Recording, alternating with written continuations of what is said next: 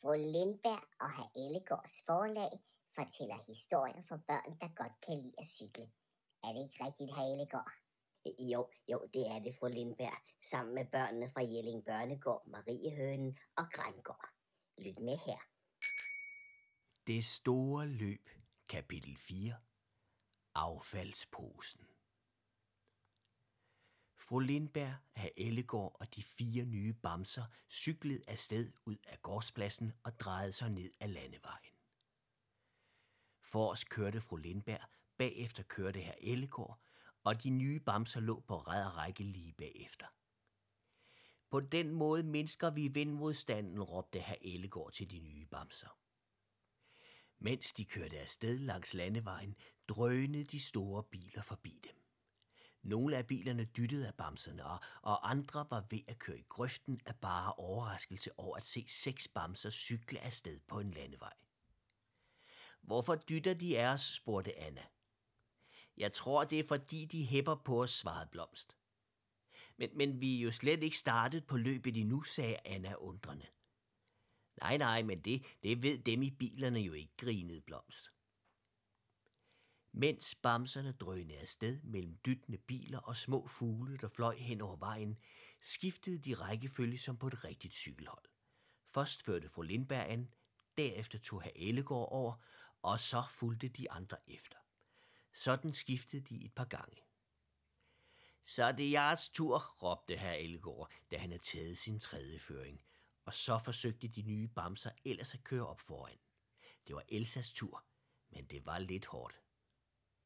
Hvor langt er der egentlig til Frankrig, spurgte Elsa lidt forpustet. Der er langt endnu, svarede herr Ellegård. Skal vi tage en pause? Åh, oh, det ville være dejligt, råbte Elsa endnu mere forpustet. Så lad os stoppe derhen.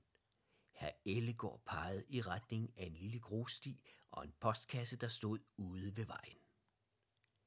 Da de nåede grusstien og postkassen, hoppede de alle forpustet af deres cykler og satte sig ned i græsset ved siden af. Hy, det, det er godt nok hårdt at køre cykelløb, udbrød Elsa. Det er nu ingenting i forhold til det rigtige cykelløb, svarede herr Ellegård. Bare vent til vi skal køre op ad bjerget.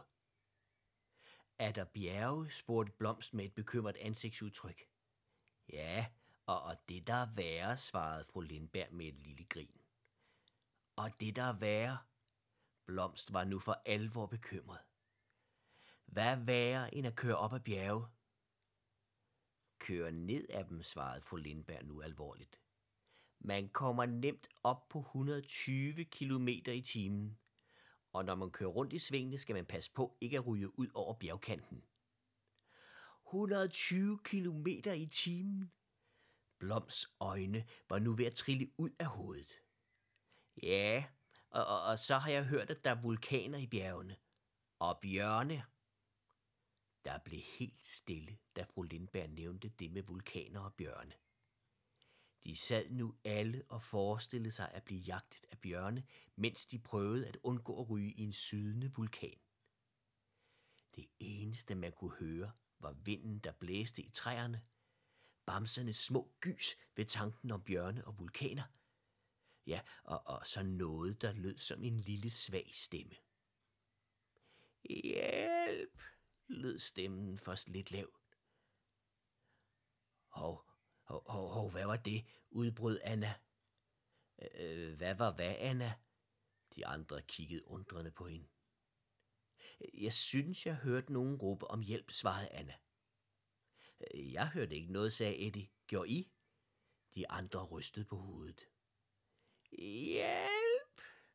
lød det igen lidt højere, og nu kunne alle høre det. Det kom over for postkassen. Her stod en stor gennemsigtig affaldssæk med en lille seddel, hvorpå der stod afhentes af skraldebilen. Inde i posen var der en masse gammelt skrammel. Der var sammenklemte dåser, ridsede flasker, ødelagt legetøj, en bøjet cykelpumpe, en cykelhjelm med et stort hul i, to små cykler, ja, ja, så to bamser, der kiggede meget triste ud af affaldsposen. Det måtte være dem, der råbte om hjælp. Og ganske rigtigt, Igennem posen lød der igen et råb om hjælp, og alle bamserne skyndte sig over for at se, hvad de kunne gøre. Hjælp, luk os ud, råbte de to bamser igen. Tag, tag det roligt, det skal vi nok, svarede herr Ellegaard og prøvede at åbne affaldsposen. Men det var ikke så nemt med små bamsehænder. Jeg, jeg kan altså ikke få hul på posen, udbrød herr Ellegaard. Øh, hvad gør vi? Lad, lad, lad mig prøve, svarede fru Lindberg og puffede herr Ellegaard til side.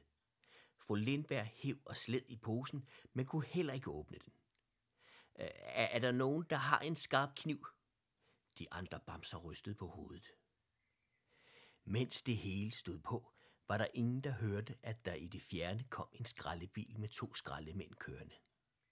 Skraldebilen stoppede op foran postkassen, og udsprang den ene skraldemand. Han greb skraldeposen, smed den op i skraldebilen og skulle lige til at hoppe ind i bilen igen. Hov, hov, husk lige øh, bamserne og cyklerne, lød det fra den anden skraldemand inde i bilen. Øh, nå ja, det, det skal jeg nok, svarede den første skraldemand. Og så greb han alle bamserne og deres cykler og smed også dem op i skraldebilen. Bamserne nåede ikke at protestere, inden skraldebilen satte i gang og kørte videre ned ad landevejen. Mens bilen kørte afsted på sin rute, forsøgte bamserne at finde ud af, hvad der var sket. Hvor er vi nærmest, nærmest hostede Eddie. Jeg tror, vi er blevet fanget i en skraldebil, svarede Elsa lige så hostende. Jeg, jeg tror, du har ret. Øh, øh, jeg lugter virkelig slemt, svarede Eddie. Hvor er de to bamser i skraldeposen, udbrød fru Lindberg pludselig. De havde alle helt glemt det midt i al forvirringen. Vi er her, lød det fra en pose lige ved siden af. Der var gået hul på posen, og ud kravlede to snavsede bamser. Hvem er I? Fru Lindberg og herr Ellegård kiggede overrasket på de to snavsede bamser.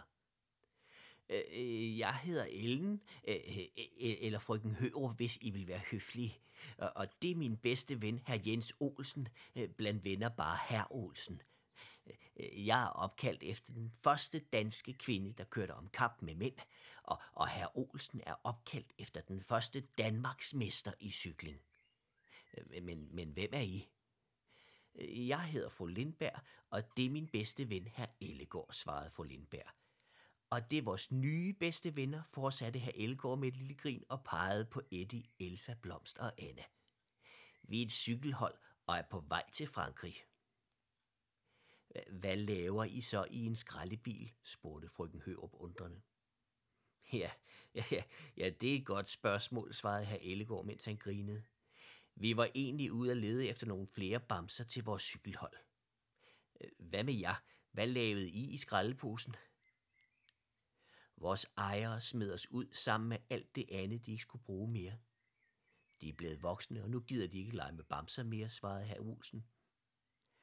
Alle de andre bamser kendte godt det med, at ingen ville lege med dem, og der blev stille et øjeblik i skraldebilen. Man hørte kun lyden af skrald, der raslede rundt hver gang skraldebilen kørte hen over et bump eller et hul i vejen.